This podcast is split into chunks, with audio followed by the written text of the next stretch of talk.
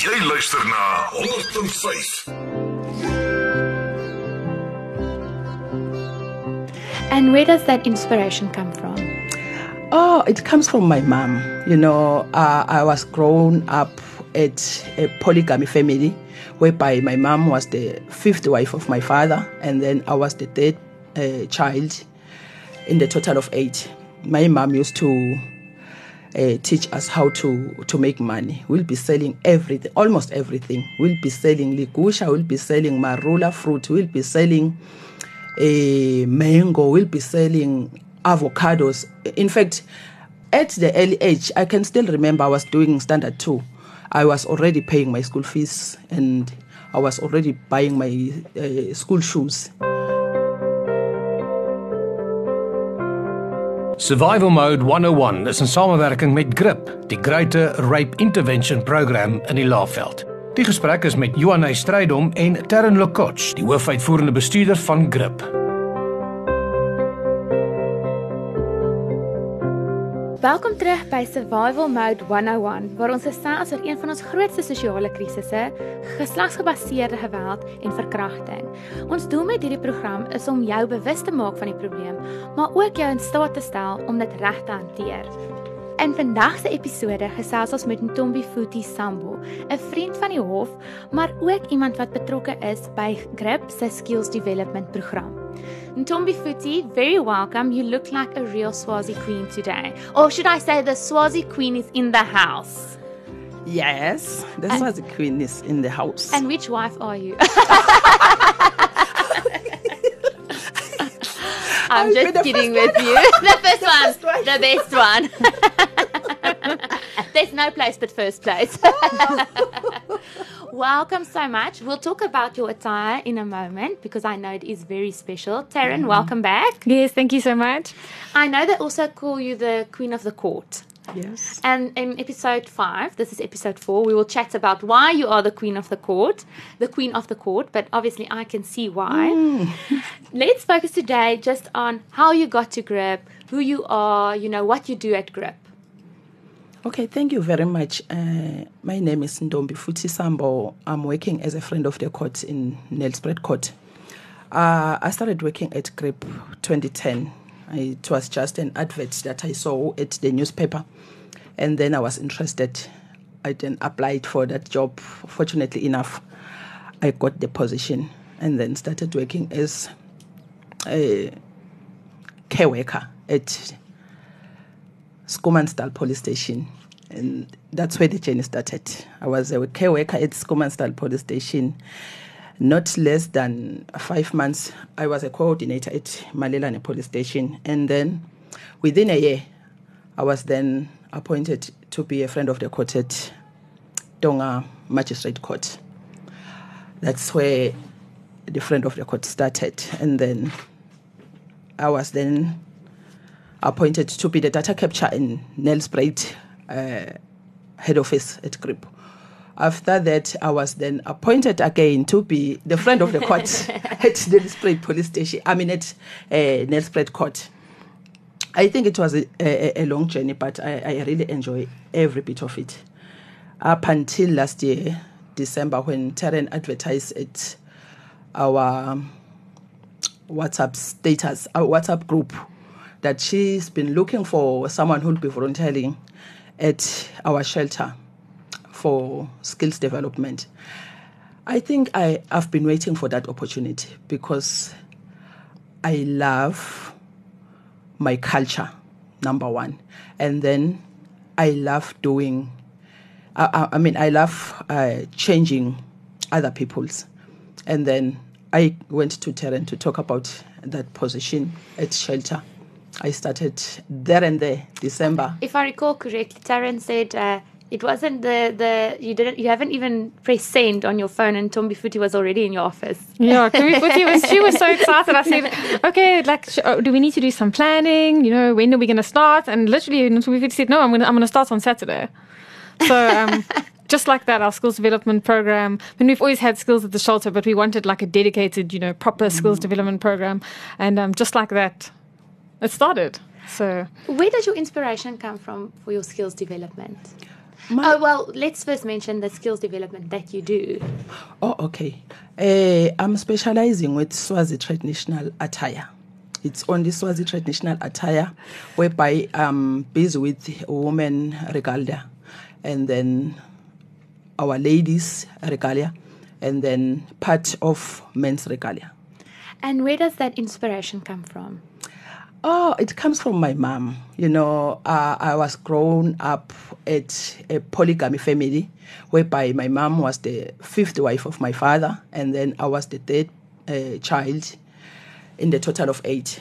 My mom used to uh, teach us how to, to make money. We'll be selling everything, almost everything. We'll be selling ligusha, we'll be selling marula fruit, we'll be selling a mango, we'll be selling avocados.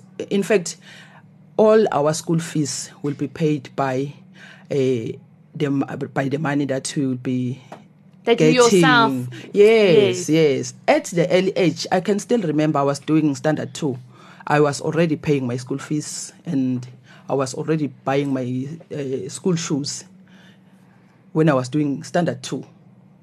And I think um, you said that's what inspired you to help other um, women become independent.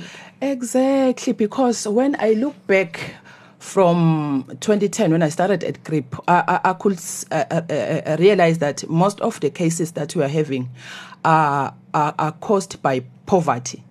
And then when I, I saw this opportunity from Tarryn, I, I, I knew exactly that if we we can uh, we, we can teach our survivors to to be independent, the the, the, the, the, the, the, number of cases that are reported every day can be reduced. Because I, I, I can still I, I- can say that most of the cases that we are having it's because our survivors are depending on their spouse for a living. And if we can give them this opportunity to to, to, to, to learn how to make money how to be independent. Most of the cases can be uh, reduced.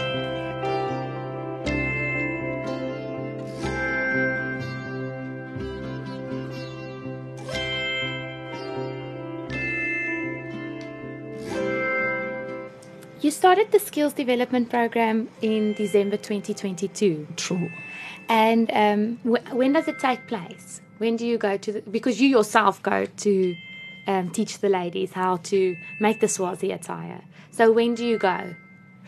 We, we, we are gathering at our very own safe place, that is Gamakuku shelter.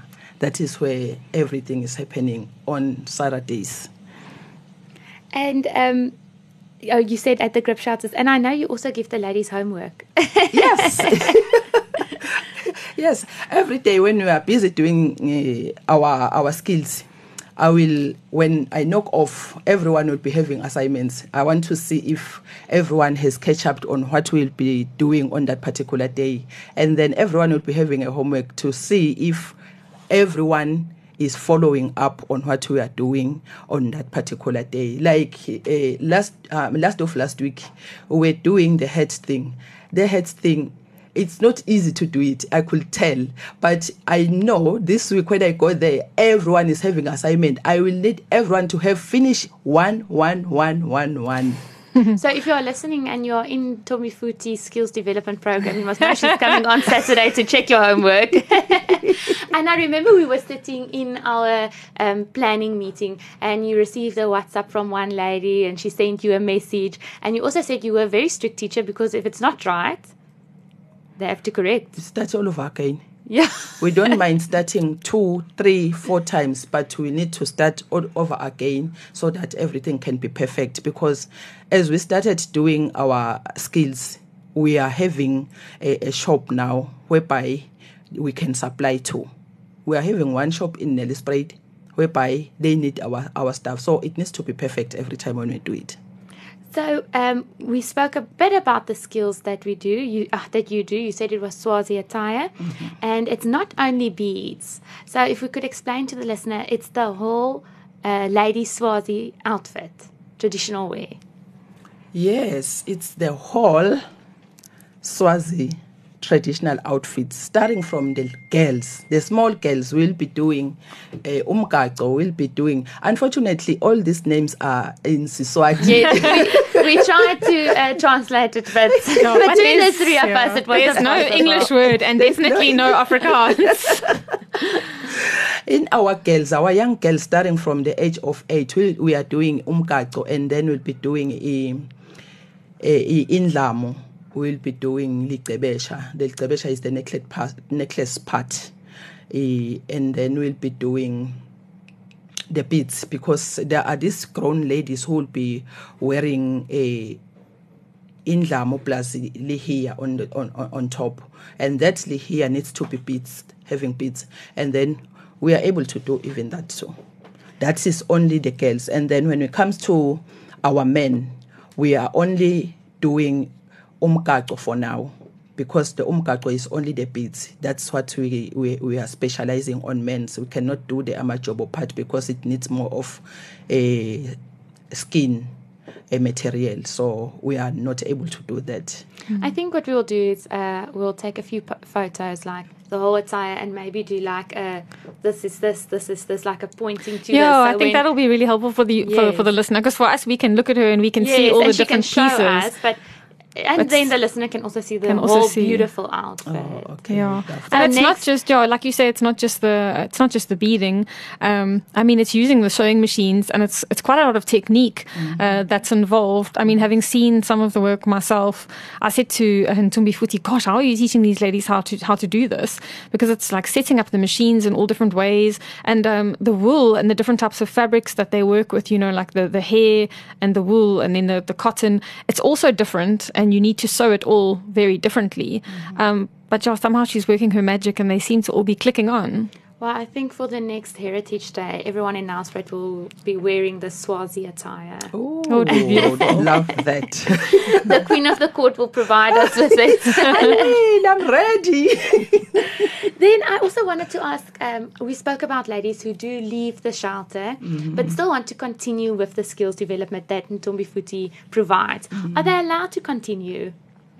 Yeah, so we, we actually had this conversation the other day with Tumbi Futi, and um, she has had one or two ladies that have left the shelter, but they, they love the classes and they do want to continue to learn. You know, they're not yet ready to sort of start off their own small business. So they are welcome uh, to return to the shelter on Saturdays with Tumbi Futi and continue to continue to learn. Um, you know, there's some ladies that stay at the shelter for six months, but there's others that only stay for two months and they may not have all the skills they need yet. So 100% I'm open to, to any of the ladies coming back and spending more time with, with Tumbi Futi. And Ntombi Futi has a big smile on her face. Yes, yes. and what's the main goal with this skills development program? The- The main goal. I want to see all the ladies uh, to be financially independent.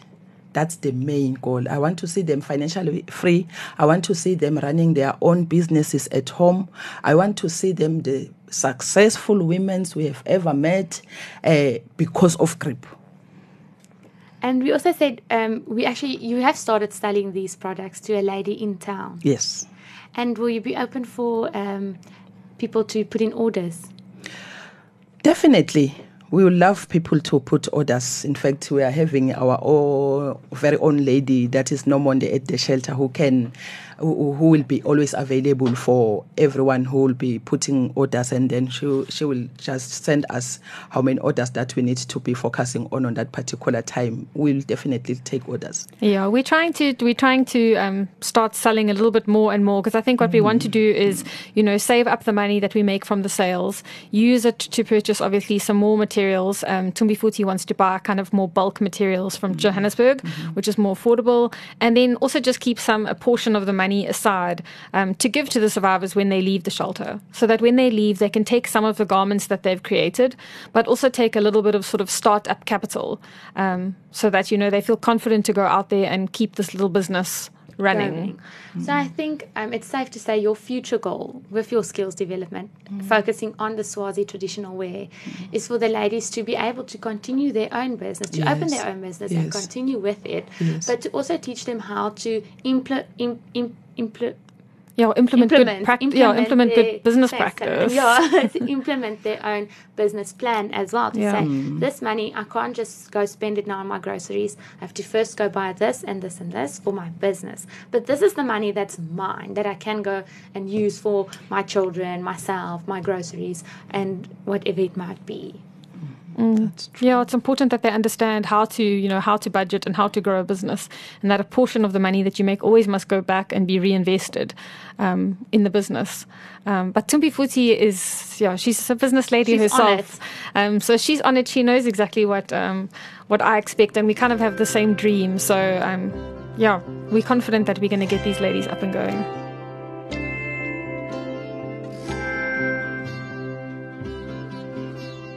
Now, also, we had a good laugh um, in our planning session about the skills development on a Saturday, um, the routine, the daily routine, because you said uh, you get there at eight, but you only start around nine, half past nine. Why is that, Tombi Futi? Oh, you, you, you know, I've been on this industry for such a long time. It's 13 years now.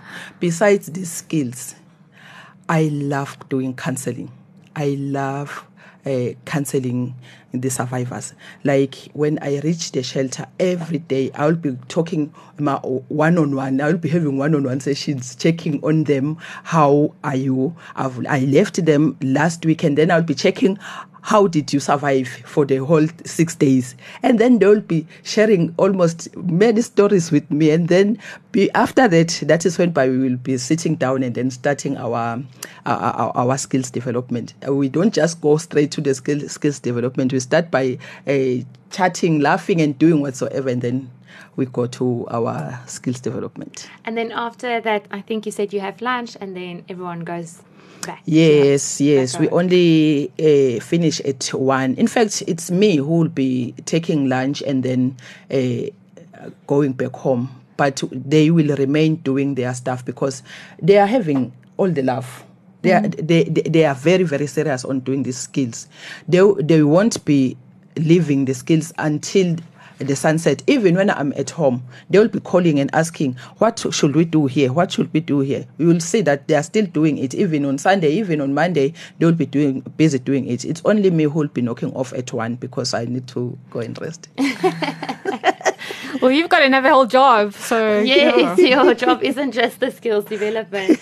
we'll obviously speak about that in our next episode because that is also a very interesting topic. I was, I, I feel like if you want to become a lawyer or you want to go work at the court, you shouldn't watch Suits. You should listen to um, this podcast and especially the one with Ntombi Futi. Um, what was your worst day at Grip? I always like to ask the um, the Grip employees or you know the helpers, what was your worst day? What was your best day? And what's your motivation? Uh, my best day, uh, I, I should say, it's when we we got uh, three life sentences. There is a case whereby uh, I think it's almost took 13 years because I was with that case at Tonga and then I came to Nelspruit still with that case. And at the end, uh, the perpetrator got a three life sentences. I was like, oh my gosh, this is the best day for me. Because you got Because- justice. Because you got yes, justice. yes. Looking at all the survivors that were raped on that particular case, and then looking at all the years that the case took, uh, at the end, uh, I, I was happy that justice And was having saved. having worked having walked that journey for 13 years with the Yes, survivor, it almost feels survivor. like it happened to you, you know, because you you're with Exactly. them throughout that whole time. Exactly. And your worst day? Whew. Tumbi Tumbi Futi has a challenging job, but come on, there's not that many bad days. No, now we are talking about Your worst day, your most Ma- difficult day. At Grip. it's when I was doing it data capture. Well, first explain what is a data capture. Data capture is when you are collecting data amongst all the survivors that are that reported uh, my cases of GBV. So we have to we have to report to our funders. Obviously, we hold accountable. So Yes. um, our funders need to know exactly what we've spent the funding on, and so they expect us to provide them with um, lots and lots of data about you know how many people we managed to help, how much money we've spent on each person, um, and all those kinds of details. So we obviously have a dedicated. M and E team, another acronym, monitoring and evaluation, and um, yeah, we've got data capturers that have to capture all that information for our for our funders. Um, but I don't think that position let Ntombi Futi's passion really shine, Yeah. um, which is why she's back in the court where I think she belongs. And what's your motivation?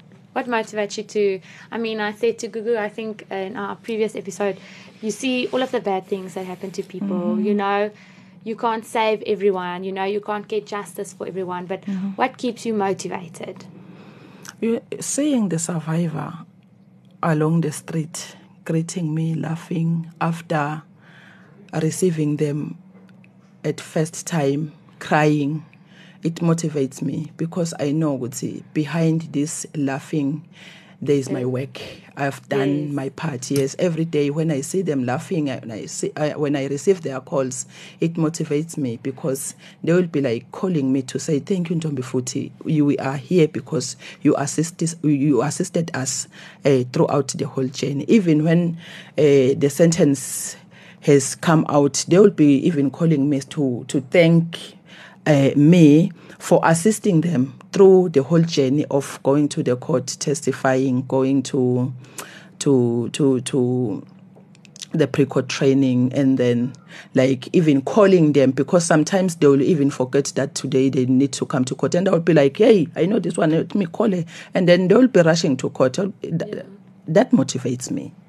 That motivates me. And you also, before we end, um, and I say goodbye, you also mentioned a WhatsApp support group for your matric girls. I think it was for matric girls, or yes yes it's Ah. something that you are wanting to do. I- I'll be definitely doing it this year. Uh, I will prepare all the names of my survivors who are doing matric so that we can create a, WhatsApp group to assist them when uh, they need to apply for university. We will be in our, our, in the that WhatsApp group, and then everyone who is my survivor this year doing matric, I will make sure that those people will be applying to go to the university, they will be applying to get the funding from NSFAS so that next year, when January comes, everyone who was uh, attending court or who is still attending court but needs to go to the university will get that opportunity to go to the university. And that's just another thing, like that's like, know, I've got to be so grateful for my staff because that's something that hasn't come from me. You know, I haven't asked Ntombi Futi to do that. Um, so on top of being a friend of the court and helping with me with skills development, we're now going to be making sure that our matric students get their tertiary education as well. And um, obviously, I'll support that as much as I can too. Um, but yeah, it's just another initiative that I think is going to make a really positive difference.